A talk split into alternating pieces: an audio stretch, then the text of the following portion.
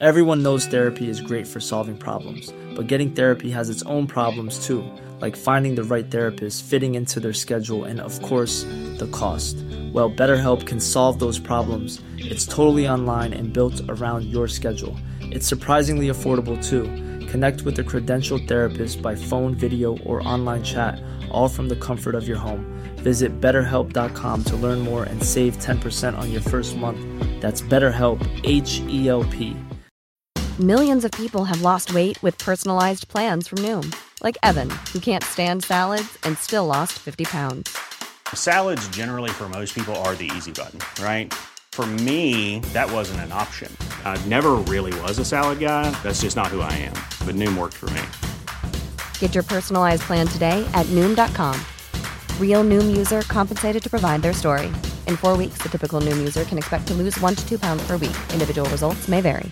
Many of us have those stubborn pounds that seem impossible to lose, no matter how good we eat or how hard we work out. My solution is PlushCare. PlushCare is a leading telehealth provider with doctors who are there for you day and night to partner with you in your weight loss journey. They can prescribe FDA-approved weight loss medications like Wagovi and Zepbound for those who qualify. Plus, they accept most insurance plans. To get started, visit plushcare.com slash weight loss. That's plushcare.com slash weight loss.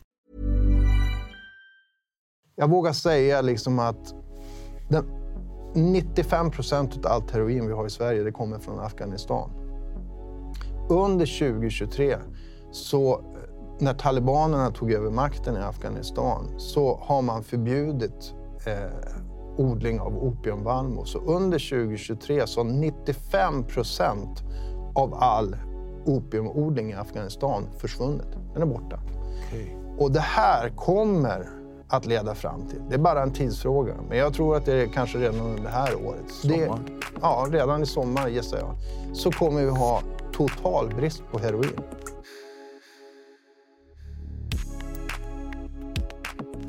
Hej på er och välkommen tillbaka till Dialogiskt. Mitt namn är Viktor och jag är som vanligt eran host. Vi vill fortsätta med att säga att vi är tacksamma över att ni subscribar, delar men framförallt tipsar era nära och kära om vår fantastiska kanal.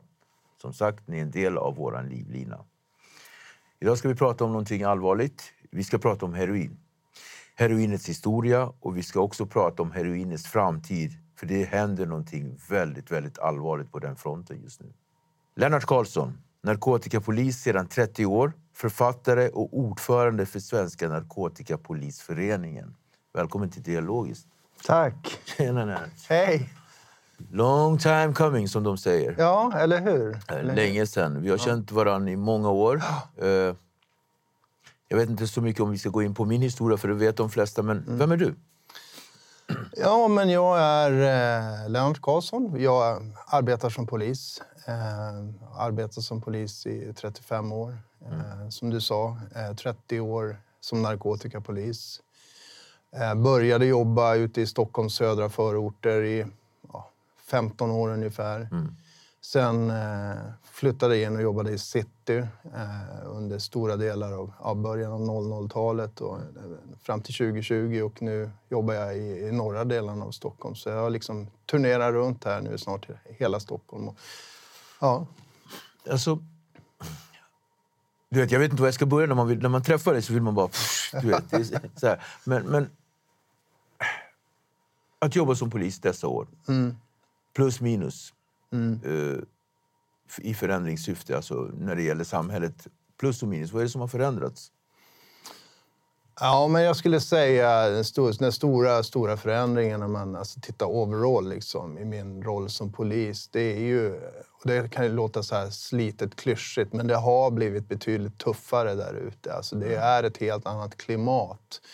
Uh, uh, jag menar, back in the days så var det liksom lite mera um, polis och tjuv och polis eller polis och bandit. Liksom. Man, man var väldigt mycket fokuserad på liksom, mötet mellan, mellan polisen och, och, de kriminella. Och det fanns någon slags ömsesidig respekt för, för, för varandras liksom, olika situationer. Och, eh, man kunde ha liksom, en bra dialog ändå mitt, mitt i allting. Det, det, är klart, visst var det ofta liksom, konflikter och, och sådär, olika intressen som mm. krockar mot varandra. Men, Eh, men det var ändå, liksom, som jag upplever, hanterbart. I dagens läge så upplever jag att det är någon form av ja, kaos som vi försöker kontrollera. Och det handlar ju mycket om de här senaste årens liksom extrema utveckling när det gäller de kriminella gängen och våldet och liksom alla skjutningar och sprängningar. Och, och det får ju någonstans konsekvenser för att när det är så, så laddat läge som det är just nu så, så är det ju svårt för polisen att, att prioritera någonting annat än att liksom akut släcka bränder. Alltså, vi måste ju förhindra att folk mördar varandra. Eh,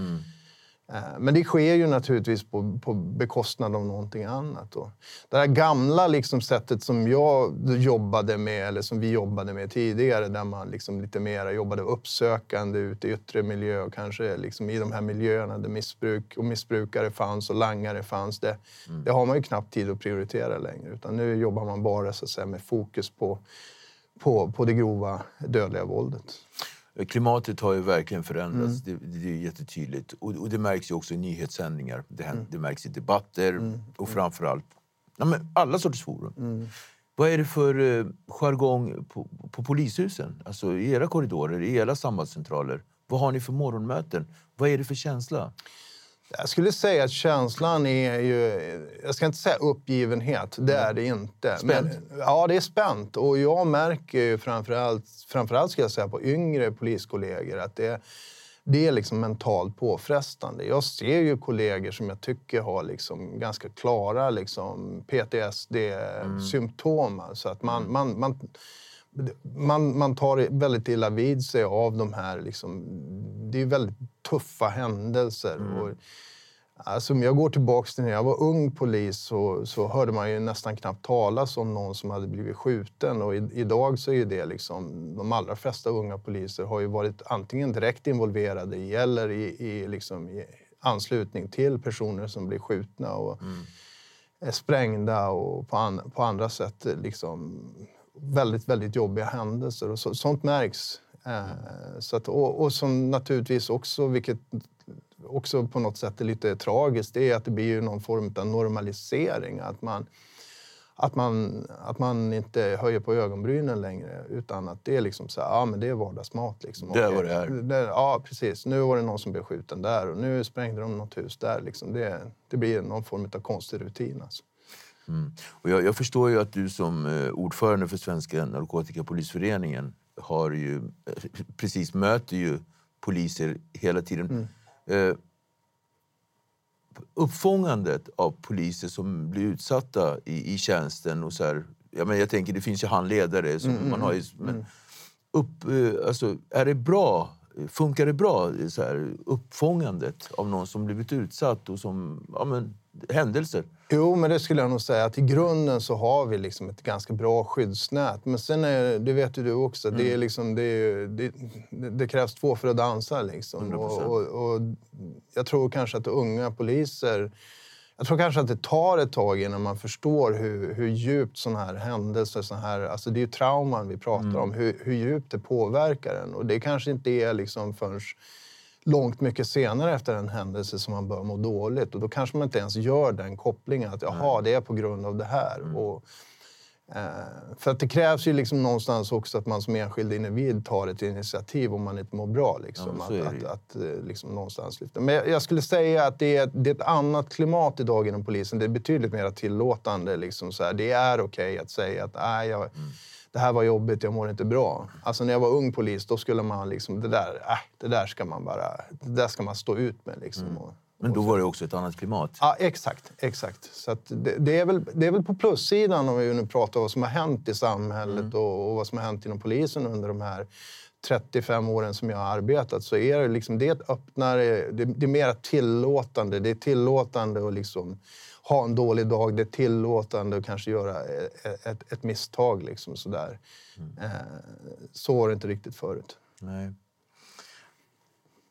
Ja, vi skulle kunna vara kvar i det här med gängkriminalitet hur länge som helst. För det, ju, det kommer ju vara ett, tyvärr ett aktuellt ämne länge till. Ja, absolut. Men om vi går in på det som du och jag kan bäst. Ja. Heroinets historia. Ja, exakt. Och så. Eh, för min del, så när jag hör ordet heroin idag så är det så med beaktsamhet. Jag vet dess konsekvenser. Jag har upplevt dess eh, konsekvenser och jag förstår också farhågorna med att eventuellt ens tänka på att börja igen. Ja. Knacka, knacka, ta i trä. Eh, men förr i tiden, när jag var lite yngre, så när jag hörde ordet heroin så fick jag en respekt. Men det var mer en nyfiken respekt. Och sådär. Hur tror du att det är idag för unga? Ja, men jag skulle säga samma sak ungefär. Alltså så? att, ja, men det skulle jag säga. Och att liksom heroin på något sätt, det är ju en, en, en drog som...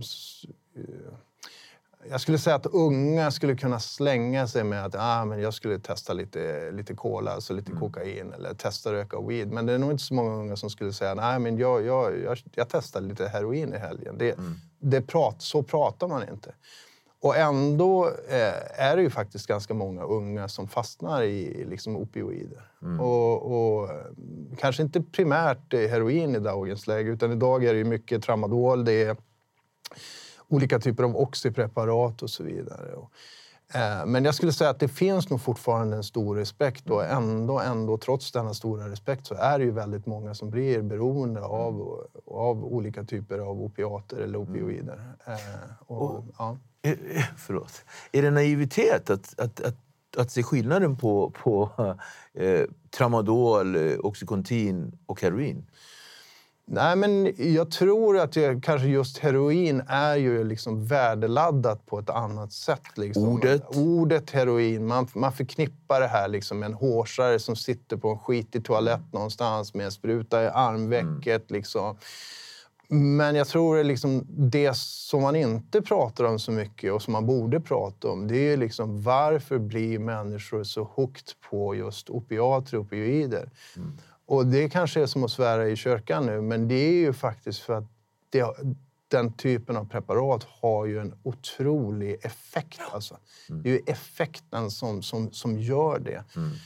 Och, och när du får den här opioida effekten, jag menar alla människor som någon gång har legat på ett operationsbord eller på ett uppvak och får liksom antingen oxypreparat eller morfin eller vad det är för någonting. De, de, de kan ju relatera till, för att det är ju en jäkligt skön känsla. Alltså.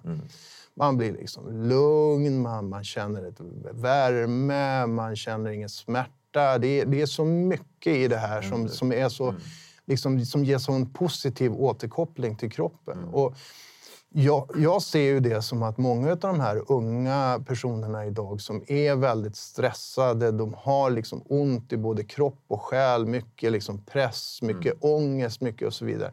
Det är inte så konstigt att de, att de fas, faktiskt blir, blir hooked på, på opiater eller på opioider.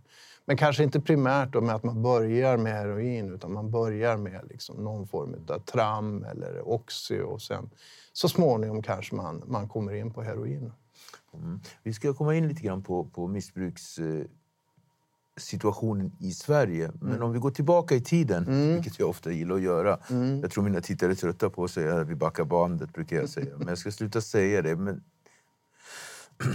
heroin, Ja. dess historia. Vad är heroin? Ja, men heroin är ju, eh, heroin är ju ett derivat egentligen. Alltså om man nu ska backa riktigt långt tillbaka, om vi ska köra historie, historielektion här nu, så, så, börja, så måste man ju börja med opium någonstans. Va? Och opium är ju liksom, det är ju en växt, det är ju opiumvallmon. Eh, och heroinet, alltså för de som inte vet, man tar en snabbkurs Ja. då, så, så, så snittar man ju de här frökapslarna i, i, i, i opiumvallmon. De, de, de är inte liksom omogna frökapslar. Så snittar man dem så får man ut en, en kåda och, som är opium då. Eh, som, som bildas liksom en, en, ett, ett råopium. Och sen ur opium utvinns morfin. Morfin är ju liksom basen till heroin men även basen till andra typer av opiater. Och sen så hettar man upp det här morfinet, har i någonting som heter ättiksyreanhydrid. Som, det är det som får heroinet att lukta liksom lite ättika. Lite surt, Ja, lite surt, precis. Va? Och då har du heroinbas och så tillsätter du en syra så får du, så får du heroin, alltså eh, ja, hårs, alltså syra då, som man kan lösa upp i vatten och injicera. Och, och, och hur kom det hit till Sverige i början? Ja, men alltså i början så... så eh, första... Man kan väl säga de som Alltså det fanns ju människor här i Sverige som använde både morfin och opium, men det var väldigt så att säga, liten, liten skala. Eh, sen tog ju Sverige emot en hel del eh, desertörer från Vietnam som, både, både, som hade varit i Vietnamkriget. Och många av dem hade blivit introducerade till heroin där borta i eh, Sydostasien och kom hit till Sverige hade ett heroinanvändande med sig. Där tror man att det var som ett litet, litet startskott liksom, för att heroin började användas i, i Sverige, framförallt i Stockholms, eh, Stockholmsområdet. Mm, okay. eh, sen var det liksom tidigt, ska jag säga, tidigt 80-tal, sent 70-tal, tidigt 80-tal, så var det ganska populärt svenskar att åka ner till Sydostasien. Man åkte sån här backpacking och liksom luffade runt i Asien. Och där var det också folk som blev liksom på plats beroende av och också upptäckte att man kunde liksom smuggla med sig lite mm. heroin. Så de första riktigt stora liksom, heroinbatcharna som kom, det var svenskar som åkte ner till Asien, till okay. Thailand, Laos, Burma eh, Myanmar heter det nu för tiden, då, men, men, och tog hem liksom vitt heroin. Man pratar om thai-smack som var liksom ja. bästa kvaliteten. Men, så, så smacket kom redan på 70-talet? Ja, slutet 70, 80. början 80-talet. Okay. Liksom Parallellt med det här så, så kommer det liksom andra rörelser in i Sverige. Det fanns mm. liksom man pratar om skomakarligan, turkligan mm. och de hade då heroin som kom ifrån från Afghanistan. Och det var det bruna? Iran. Och det var liksom heroinbas, det var det, det, var det bruna. Mm. Det fanns albanska ligor och, och så, så, som körde också in liksom, mm. ja, brunt heroin.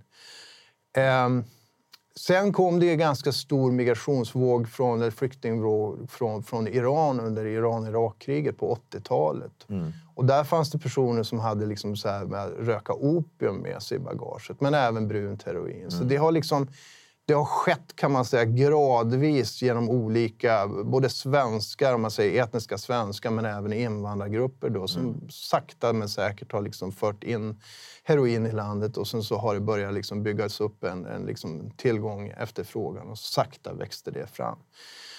Eh, slutet av 80-talet när jag liksom började min polisiära bana här i Stockholm så var det ju framförallt personer med ursprung från västra Afrika som mm. hade liksom den stora delen av gatuhandeln med heroin. Det var, mm. det var framförallt unga killar med ursprung från primärt Gambia som var liksom involverade i att, att liksom göra den här gatusäljningen av heroin. Och de i sin tur, vad fick de?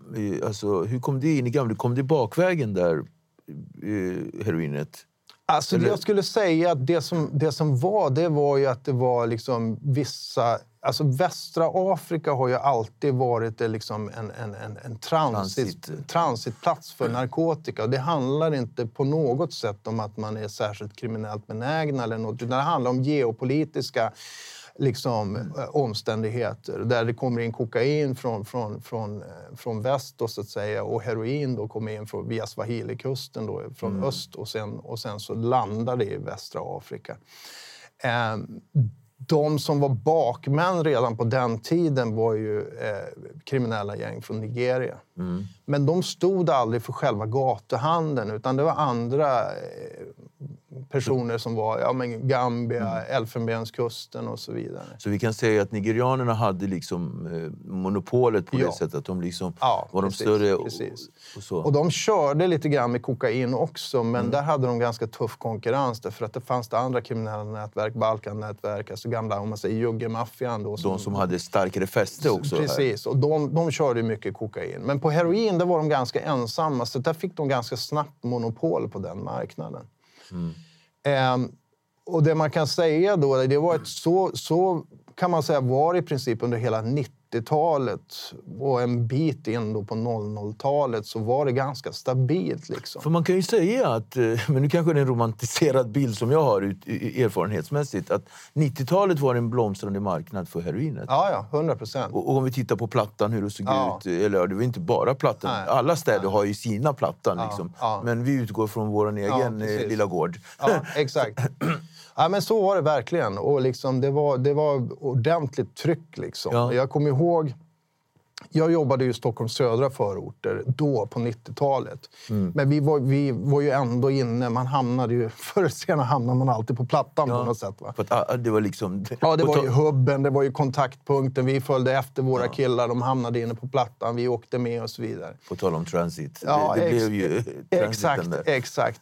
Så jag hade ju en rätt så tydlig bild liksom av ja, men så här ser heroinmarknaden Mm. ut. Vi hade några killar ute hos oss, både svenska men även killar med afrikanskt ursprung som var liksom väldigt drivande i heroinförsäljning. Mm. Vi spanade på dem och vi kunde se hur de hur de åkte till sitt stash och hämtade sina grejer, åkte in till plattan, slängde ut pam, pam, pam så här liksom. Och sen så hängde vi på och så gjorde vi tillslag då liksom när de, när de var på väg hem igen och så där. Så vi, vi jobbade rätt mycket, men, men plattan var inte min primära Nej. arbetsplats då på 90-talet.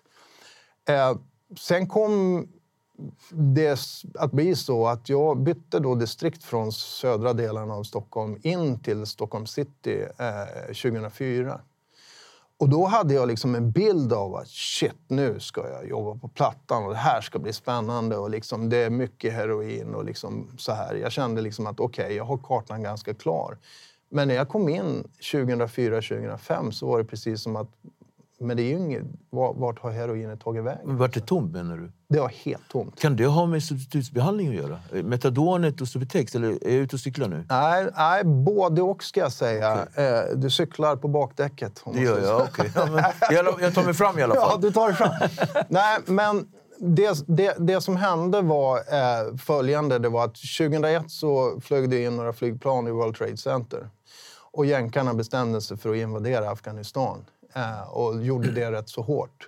Och slog sönder hela liksom, infrastrukturen där.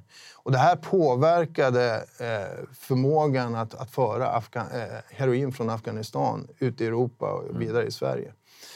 Eh, Så det var en förklaring. Andra förklaringen var ju Subutex. Subutex kom där 2003, 2004. Liksom. Och det hette ju då på den tiden att ah, men det här är Subutex, det, det, det är liksom inte ofarligt men det går inte att missbruka och så vidare. Så här. Det tog ju liksom två veckor för killarna nere på Plattan att liksom klura ut hur man skulle ta Subutex. Det gick ju både att lösa i vatten, det precis. gick att röka, det gick att snorta. Allt, allt funkar. Absolut, absolut. Så det blev ganska stor skift där från heroin till Subutex på grund av att det inte fanns så mycket heroin. helt enkelt. Det fanns, fanns det, men det var inte som det var på 90-talet. Liksom. För jag minns ju att det, det var ju en, eh, en riktig torka. Alltså jag vet inte om det var 2006 eller 2000, Mm. jag vet inte. någonstans, Där man fick åka från Stockholm.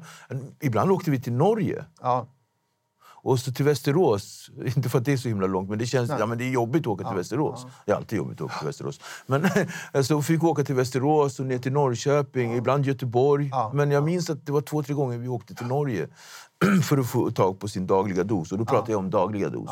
Annars åkte man ju längre sträckor för att få tag på ett större parti. exakt. Men vad var det som hände då? då? Är det det här du pratar om? Den... Ja, men exakt. Och det är ju i princip, skulle jag säga, mellan, som jag uppfattar det, mellan 2005 och egentligen fram till 2009. Alltså fyra, års, fyra, fem års tid. Som det är riktigt svårt att få tag på heroin. Alltså det, det, det är jättetydligt liksom att det blir en ordentlig nedgång i, i själva heroinet. Men subtexten finns där. Och subtexten funkar ju då som ett, som ett substitut för heroinet. Och det som händer då, det är att många nya opiat eller opioidmissbrukare får sin liksom entry genom subtexten.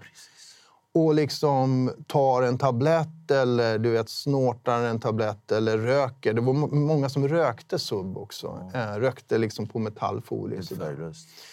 Så det, var liksom en, en, det var som en helt ny generation. Alltså, Mm. Vi pratar liksom 19-åringar, 20-åringar, 21-åringar som gick ner på Plattan, dealade, Mm. köpte, sålde Subutex och höll på. Mycket, mycket sub var det. Och som aldrig hade testat heroin. Som aldrig hade testat heroin.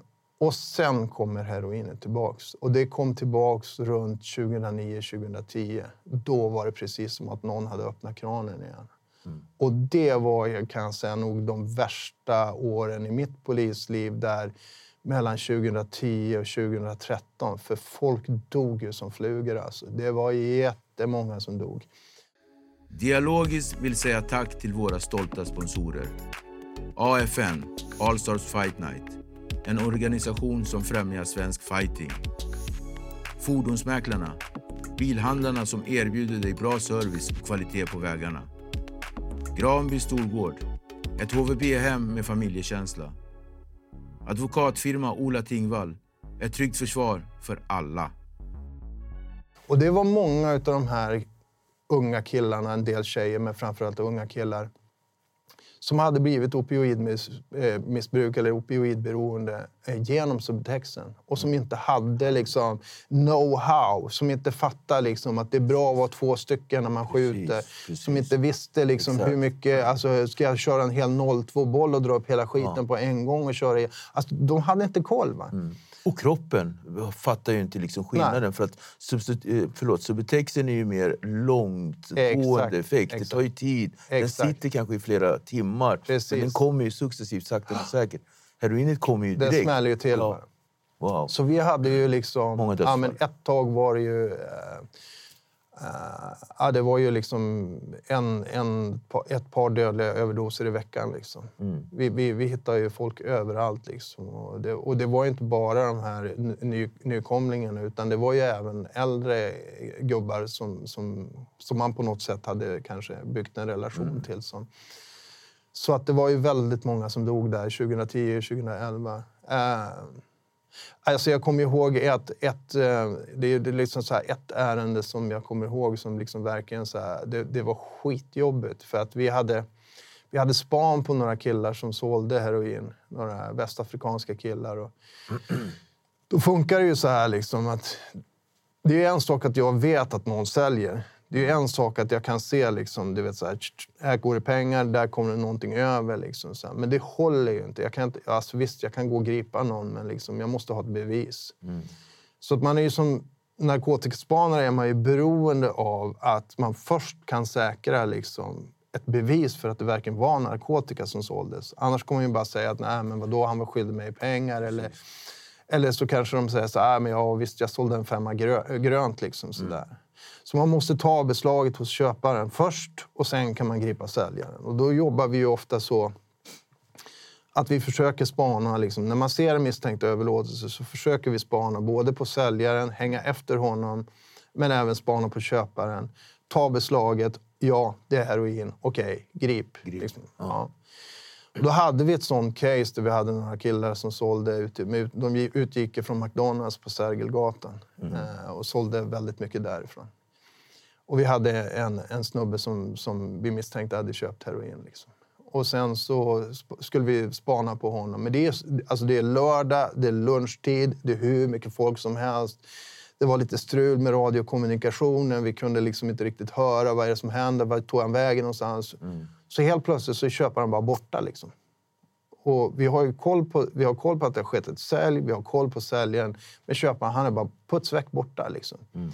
Så vi börjar ju pensla av då. Vi börjar liksom söka igenom de här vanliga platserna där man vet att folk går. För man, du vet ju, ja, man, man, man, man, man, köper till heroin. Sen går man ganska snabbt till någonstans för att slå i sig. Ja. Så vi kollar ju de här klassiska ställena. Hötorgsgaraget, liksom. toaletterna på Konserthusfiket. Liksom. Eh, toaletten, ja, Kungsan, toaletten, liksom, Sveavägen, Kungsgatan. Alla de här som vi vet. Nej, ingenstans. Liksom. Så vi gick omkring där och liksom kliade oss i huvudet. Så det har tagit tid nu? Ja, så det, var, var, var, var, var tog han vägen någonstans? Och när vi står där och liksom pratar, alltså ingen fattar vart tog han vägen någonstans. Då kommer det liksom en ambulans inrullande med blåljus på Sergelgatan och mm. går in på McDonalds på Sergelgatan. Precis där. Så han hade bara gjort en höger-vänster om och gått in på muggen och slagit i sig och låg död. Liksom. Mm. Och det är den där känslan, vet att man har en känsla ungefär som att om jag bara... Tänk om jag bara hade varit där. Mm. Tänk om jag hade liksom hunnit... Då kanske han hade levt nu. Alltså mm. förstår du? Det blir liksom ja, den här... Usch, vad tungt. Mm. Skittungt faktiskt. Så att mycket sådana där liksom saker som var under de där åren som jag kände att det var, det var, liksom, det var tufft. Det, det tog liksom i hjärtat och det tog liksom... För hur det, alltså det kanske låter konstigt, men även om man är liksom på olika sidor så där och var liksom... så bygger man ändå upp någon slags du vet, så här, relation. Även om- Samförstånd. Ja, Så här, på gott och ont. ja Alltså, precis. Man, Man blir liksom en, en... Vi är poliserna då som jobbar där, vi är en del av Mm. det. Och sen så har vi de som säljer som är en del av det och så har vi de som använder som är en del av det. Det här liksom Mm. blir som en dans som snurrar, snurrar runt. Liksom. och det var lite det vi pratade om i början. Där jag sökte min första fråga vad skillnaden är då och nu. Mm. Är det den grejen, har den försvunnit lite då? Ja, men jag skulle ju säga att tyvärr är det ju som jag sa. Alltså, att polisen är ju tvungna att prioritera det här grova våldet nu. Jag skulle säga att det är väldigt låg, för att inte säga obefintlig närvaro av polis i de här miljöerna nu. Vilket ju är... Ja, det är, det är inte bra. Det är inte bra. Men det är väldigt låg närvaro i just den här, om man säger klassiska missbruksmiljöerna nu. För att det finns inte tid att prioritera det. Vilket ju är väldigt dåligt kan man säga för de som befinner sig i de miljöerna också. För att det, hur, hur det än är så tror jag liksom att polisen, tack, hur det än är så tror jag att polisens eh, närvaro liksom har, har ändå räddat upp det för vissa. Och det var det jag var, tänkte komma in på, det här med närvaro. Nu, eh, när jag slutade, det är tio år sedan, nästan på dagen. Inte än, men strax. Men då, redan då så hade ju liksom närvaron, den geografiska eh, närvaron eh, av missbrukarna, användarna och säljarna, den hade ju liksom försvunnit. Tack, vare, tack vare sociala medier, telefonen har kommit, man kan, eh, man kan swisha till varandra. Jag vet inte om alltså hur mycket man swishade. Jo, men det, man började swisha och, och lite så här.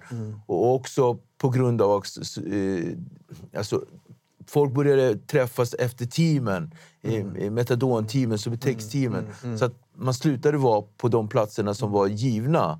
Där det, alltså det här, transit, exakt. plattan typ. Ja. Eh, och det var det då. Jag kan bara tänka mig hur det ser ut idag. Alltså, man säljer i lägenheter nu, eller alltså, hur säljer Ja, man? men jag, skulle säga att det, ja, men jag skulle säga att det är väldigt, väldigt mobilt nu. Liksom så. Att det är väldigt, man, man rör sig på ett helt annat sätt. Och det såg ju jag, om jag säger de sista åren som jag var kvar i city runt 2020, så, så var det liksom det som var grejen. Att man, man, man gjorde upp affärerna på telefon och så, så träffades man längs med, med tunnelbanenäten och pendeltågen och som du säger anslutning till teamen eller någon park. Så jag menar plattan idag, om du går, om du går över Sergels torg idag, det är ju rena, det är ju rena söndagsparken höll jag på att säga. Det, det, man, man kan stå där i en timme och inte ens se någonting.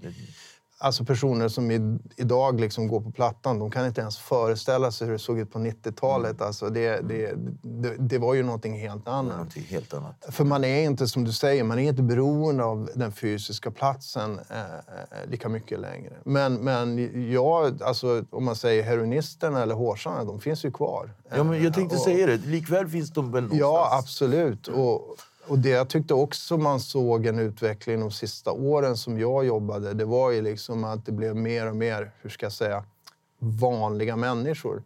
Människor som hade... Alltså vi träffade ganska ofta, inte jätteofta, men tillräckligt ofta för att det skulle liksom vara en trend i alla fall. Personer som hade liksom fått sin opioidingång genom Oxy, eh, Sub eller annat.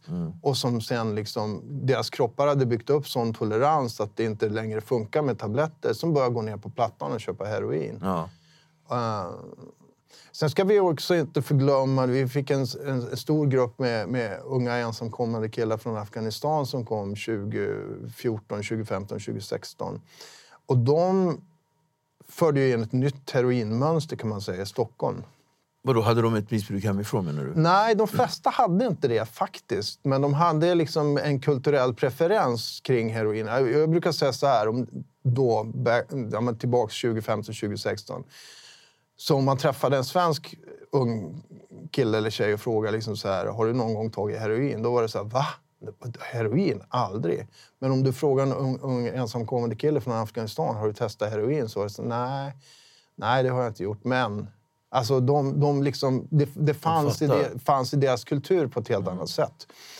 Eh, och många av dem hamnade i liksom utsatthet, rotlöshet, det var stress, psykisk ohälsa och så vidare. Så att de allra flesta, som, och det var ganska många av dem som började ta heroin när de kom hit till Sverige. När vi frågade dem, hade, hade, tog du heroin innan du kom till Sverige? Nej. Nej. Du började här alltså? Ja. Och det där var ju liksom ganska intressant ändå. Men, men det som var ännu mer intressant det var ju att deras efterfrågan på heroin, det var ju inte syra, alltså injicerbart heroin. Utan deras efterfrågan var ju rökbart, alltså heroinbasen, det bruna heroinet.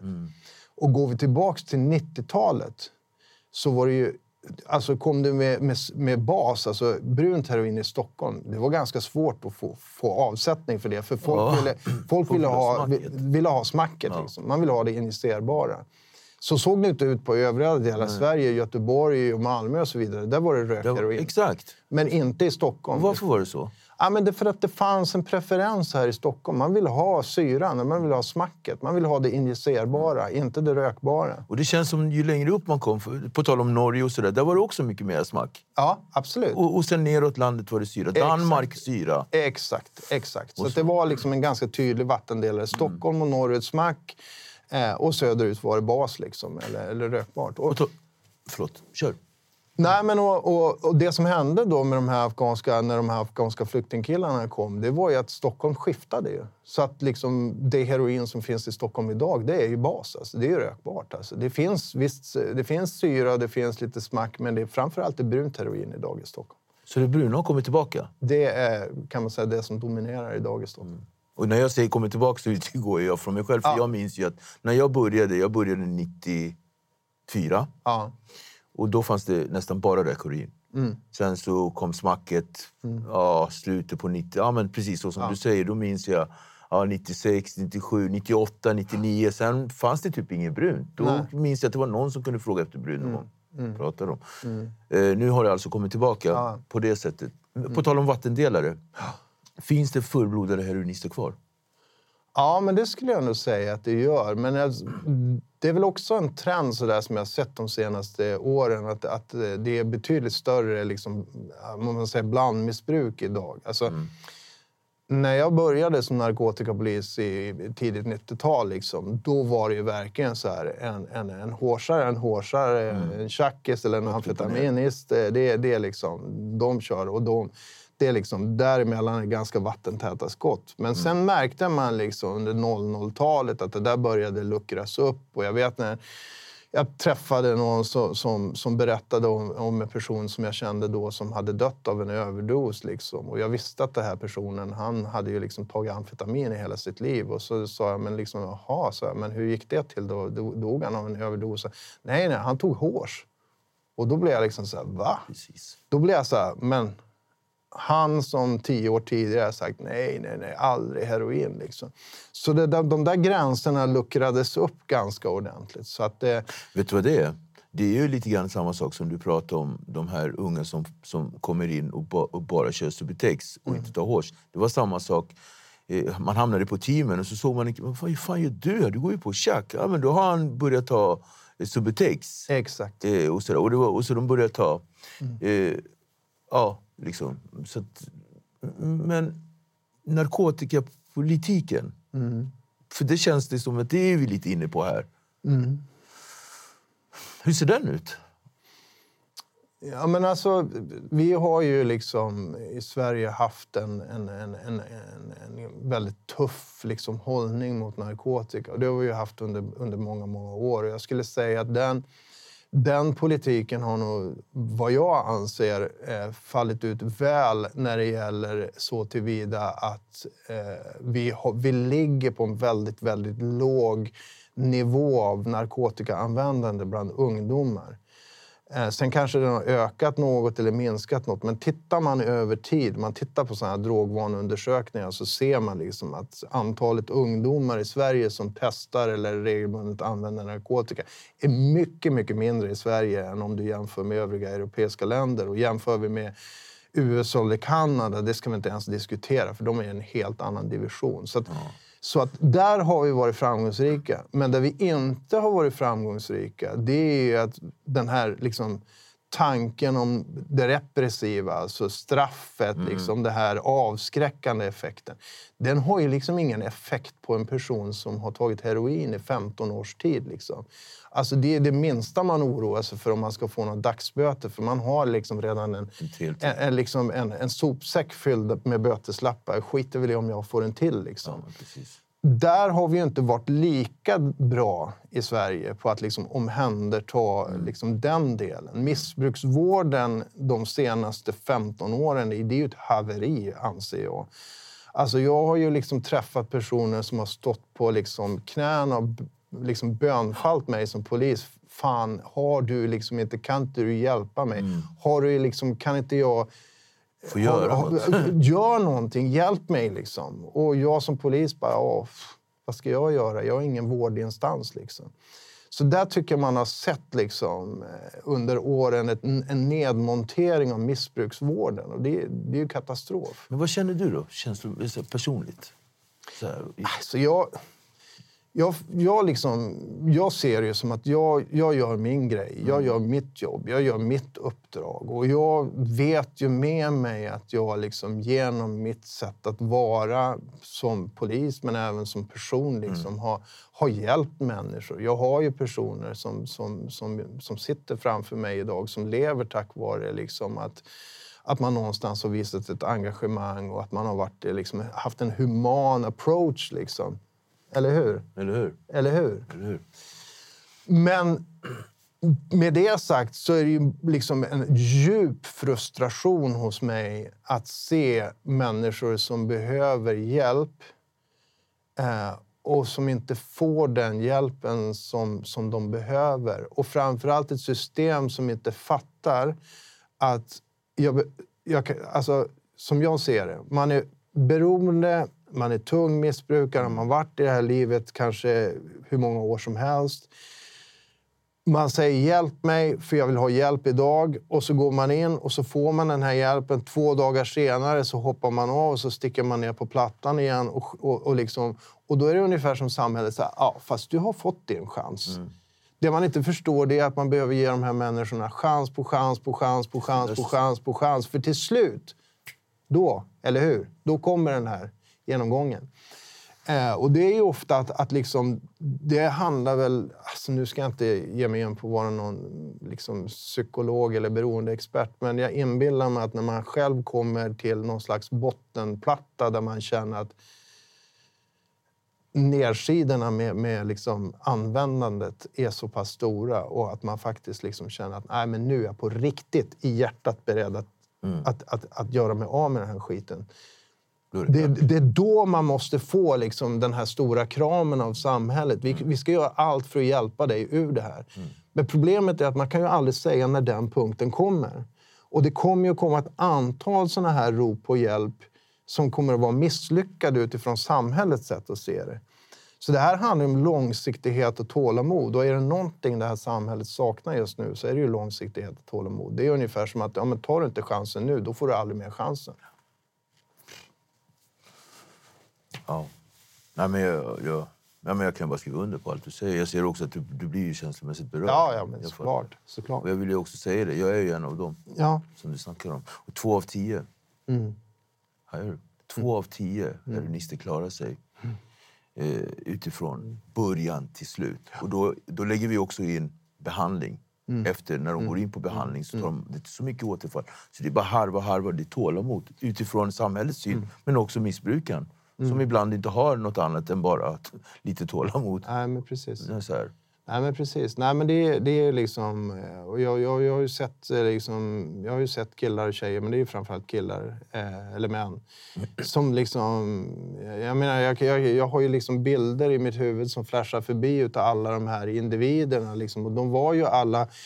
Alla var ju liksom någons son, någons brorsa, någons pappa och så vidare. Och det, det är klart att det, det vore ju konstigt om inte det liksom satte spår igen. Så enkelt är det ju. Det är klart att man, man, man blir ju påverkad. Eh, men sen tror jag också liksom att det gäller att kunna hantera och vända den där frustrationen, sorgen, ilskan till någon form av kreativ energi. Och det är väl det som jag har lyckats göra och som har gjort att jag har orkat hålla i under alla åren. Ja. Du poddar och, Ja. och massa skriver. Precis, författa här nu lite grann. Det där är ju lite roligt. Jag skriver ju tillsammans med Benny Haag och vi skriver böcker. Och det är, beskriver mycket. Jag, jag väver ju in mycket av saker som jag har varit med om och så vidare. Så kan man ta ut svängarna lite grann. Så kan man låta karaktärerna vara lite, så här, lite over the top. Liksom. Så får man lite så här, leva revansch genom sina karaktärer. Men det är jättebra skrivet, det är kreativt och det, är- det är lite action också. Ja, så det ja, är kul.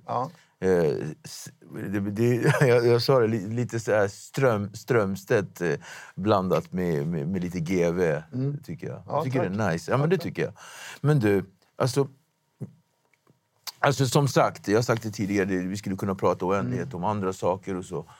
Men heroinet då? Det håller på att ta slut. Ja. Eller? Ja. Är vi tillbaka där då på 2006, 2005? Alltså vi har haft, vi har haft två stycken... Eh, sen, sedan jag började jobba som narkotikapolis så har vi haft två stycken skulle jag säga, heroinstopp. Det första lite längre. Det var då 2004 till, ja, vi kan säga ungefär 2004 till 2009, 10 där någonstans. Liksom. Det var inte tvärstopp, men det var brist. Det, var liksom, det, det fanns, men som du själv var inne på, det man var tvungen att åka långt och så vidare. Subutexen kom in, tog hand om, om man nu ska säga inom citationstecken, suget som fanns på opioider. Det, så att Subutexen blev liksom en slags heroinersättning under de åren. Men sen hade vi ett kort stopp eh, och det var ju nu under pandemin. Och det stoppet, det var absolut, för då var det verkligen, alltså sommaren 2021, då fanns det inget heroin på plattan. Det var helt borta. Och skälet till det var att de kriminella nätverken som smugglar in heroin i landet, framförallt eh, då de västafrikanska med fokus på Nigeria. För nigerianerna klev in och tog över kan man säga, heroinmarknaden i mitten på 10-talet någonstans. Det var killar från Gambia som liksom var top dogs, men de blev bort- bortputtade och in klev killar direkt från Nigeria istället och tog över liksom gatuhandeln.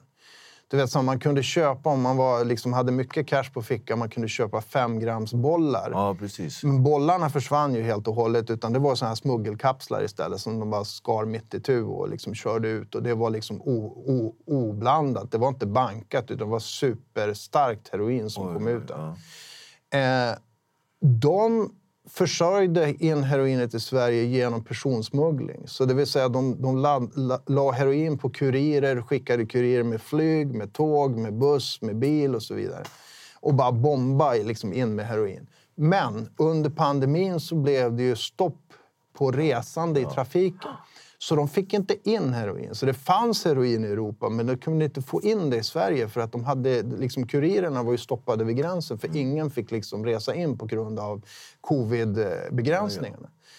Och då blev det liksom torrt där under en period sommaren 2021. Och eh, det jag fick höra då som var lite så här häpnadsväckande för mig, det var att det var... Eh, för kokain fanns fortfarande. Och det var att det fanns heroinister som istället växlade över och började ta kokain. Och då blev jag lite så här, men hur, hur, fun- hur, hur funkar det liksom? För i min värld så är heroin och kokain väldigt skilda från varandra. Men varför berättar jag det här? Jo, därför att det här har liksom någon form av bäring. För det som händer nu och det som den absoluta bomben här, det är att under 2023, och då ska man ha som bakgrund att jag vågar säga liksom att den 95 procent av allt heroin vi har i Sverige det kommer från Afghanistan. Under 2023, så eh, när talibanerna tog över makten i Afghanistan så har man förbjudit eh, odling av opiumvallmo. Så under 2023 så har 95 procent av all opiumodling i Afghanistan försvunnit. Den är borta. Okej. Och det här kommer att leda fram till, det är bara en tidsfråga, men jag tror att det är kanske redan under det här året. Så Det, Sommar? ja, redan i sommar gissar jag. Så kommer vi ha total brist på heroin. Vad blir konsekvensen av det? Det är en intressant fråga. Om vi tittar tillbaka då, på konsekvenserna tidigare. Men då var det ju mer märkbart när det kom tillbaka. Folk tog överdoser och det blev den effekten. Men vad, alltså... Ja, jag, alltså jag, jag, jag ser ju att det kan gå åt två håll. Eh, tendensen nere i Europa just nu, tendensen i, i, liksom, i Belgien, i Holland, i Tyskland, i Frankrike, det är crack. Alltså det finns så mycket kokain just nu så att man börjar liksom, ja, men gör, framställa eh, kokainbas, alltså rökbart kokain. Och tittar man i, liksom, i Belgien till exempel, Bryssel runt där, så där är liksom heroinet helt borta ur gatubilden, utan där är crack istället. Man, man röker, röker crack. Eh, tittar man på utvecklingen i Nordamerika så har man inte heller mycket heroin, eh, men där är det fentanyl istället. Så kontentan av det du säger är att eventuellt så kommer kanske Sverige efterlikna 80-talets USA. Det skulle kunna bli så. Där man rökte crack och det blir liksom... För det, det, var så, det, var ju, det är som en pandemi i sig. Mm, Och eventuellt fentanylen då, som också är en oerhört stark eh, drog där det behövs liksom väldigt, väldigt lite Mm. för att överdosera. Ja, det är, det är alldeles oavsett. Och, och det, det jag hoppas nu på det är att svensk både polis, tull, eh, sjukvården, socialtjänsten, alla de nu myndigheter som är liksom som finns kring den här om man säger, missbruksmiljön eller drogmiljön. Att man liksom är på tårna nu och tidigt, tidigt, tidigt liksom skickar signaler att nu ser vi det här hända.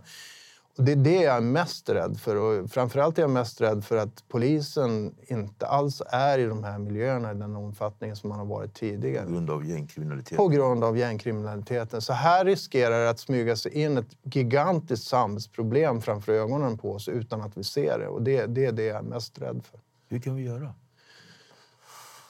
Ja, det är, en sak är ju för mig att sitta här och prata Ja. om det och att man lyfter upp det, att man liksom sätter fokus på den frågan. Att man Mm. skickar ut liksom den här... Liksom, för det jag gör just nu det är att jag håller upp en stor jävla varningsskylt. Ursäkta språket, Mm. Ja, men liksom, absolut. Mm. någonting kommer att hända. Jag har gjort det förr i olika sammanhang och känt att liksom så här, folk så bara, ja, ja, jo, men det, men det är sen. Liksom. Men, men nu står vi där. Mm. Sen kan det ju hända saker som att man börjar åka till Sydostasien igen och hämta heroin och sådana saker. Men i det korta perspektivet så kommer vi att få en ganska kraftfull förändring i missbruksmiljön. Och jag tror att vi är där om nu, från nu och ett par månader framåt. Alltså, högre instanser, vi, vi pratar politiker eh, Mm. på den nivån. Och så här, har du fått något gehör där? Nej, men alltså, det är ju konstant eh, så att man liksom försöker att, att liksom föra debatt och dialog och ge information. Och jag känner väl absolut att man lyssnar. Men det är så otroligt många andra problem också. Det är krig och det är eh, allt ifrån ekonomiska kriser och så vidare. Så det känns som att man måste in med ett bräckjärn hela tiden och bryta för att få fram den här frågan. Och jag, med all respekt för politiker och beslutsfattare, men det känns som att de är här uppe.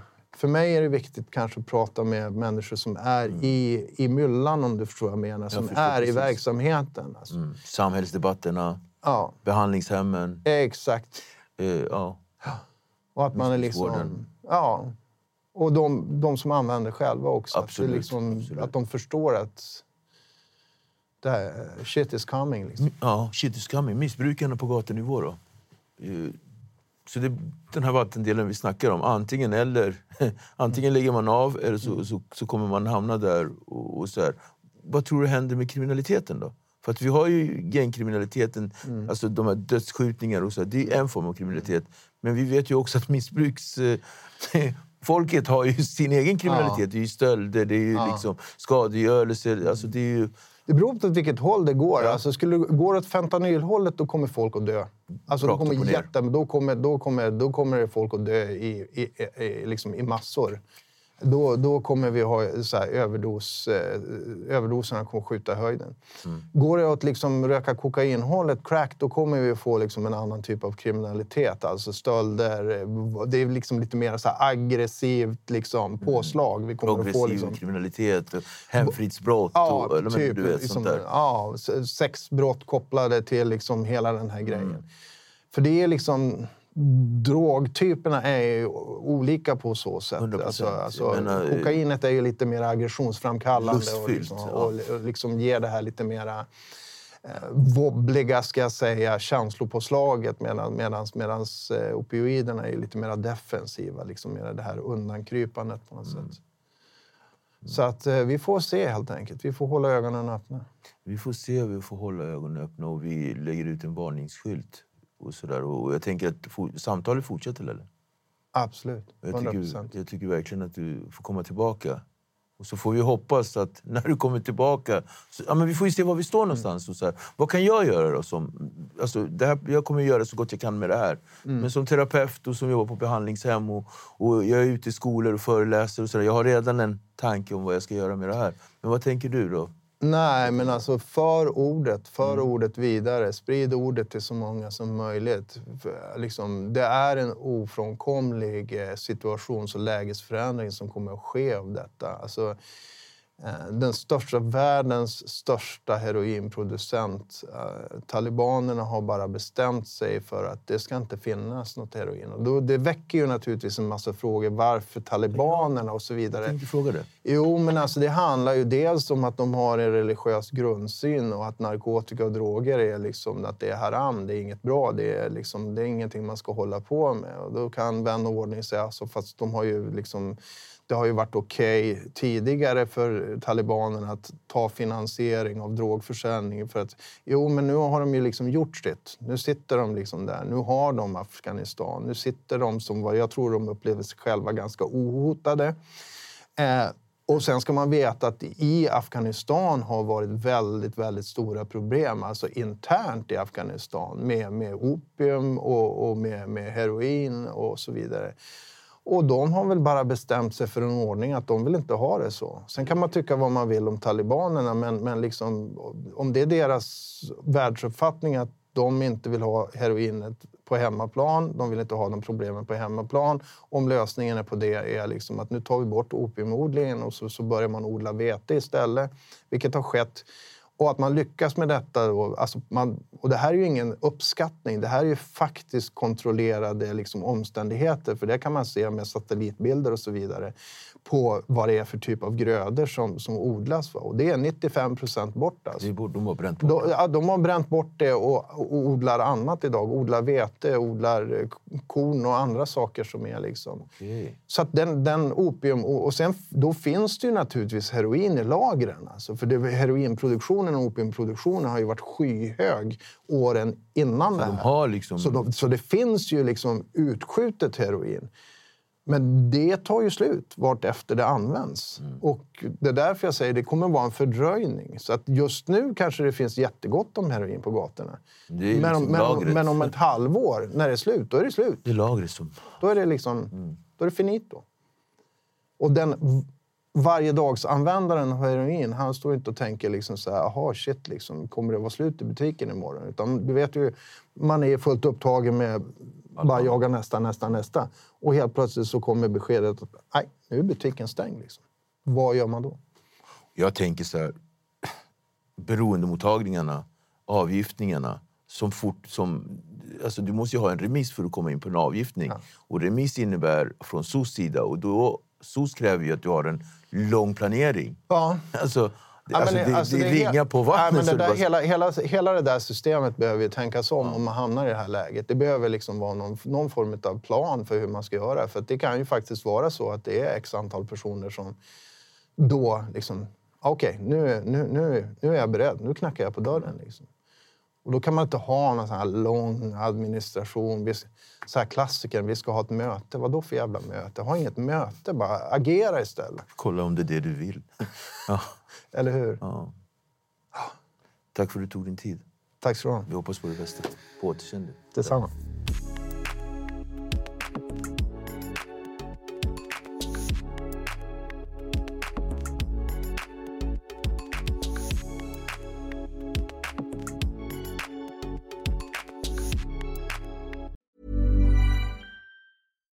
If you're looking for plump lips that last, you need to know about Juvederm lip fillers. With Juvederm Volbella XC and Juvederm Ultra XC, your lip look, whether it's subtle or bold, can last up to one full year with optimal treatment and no additional maintenance. Find a licensed specialist and see if it's right for you at juvederm.com today. That's J U V E D E R M.com. Add fullness to lips in adults over 21 with Juvederm Volbella XC or Juvederm Ultra XC. Do not use if you have severe allergies or a history of severe allergic reactions, or if you're allergic to lidocaine or the proteins used in Juvederm. Tell your doctor if you have a history of scarring or taking medicines that decrease the body's immune response or that can prolong bleeding. Common side effects include injection site redness, swelling, pain, tenderness, firmness, lumps, bumps, bruising, discoloration, or itching. As with all fillers, there's a rare risk of unintentional injection into a blood vessel, which can cause vision abnormalities, blindness, stroke, temporary scabs, or scarring. For full important safety information, visit juvederm.com.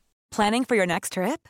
Elevate your travel style with Quince. Quince has all the jet setting essentials you'll want for your next getaway, like European linen, premium luggage options, buttery soft Italian leather bags, and so much more. And is all priced at 50 to 80% less than similar brands.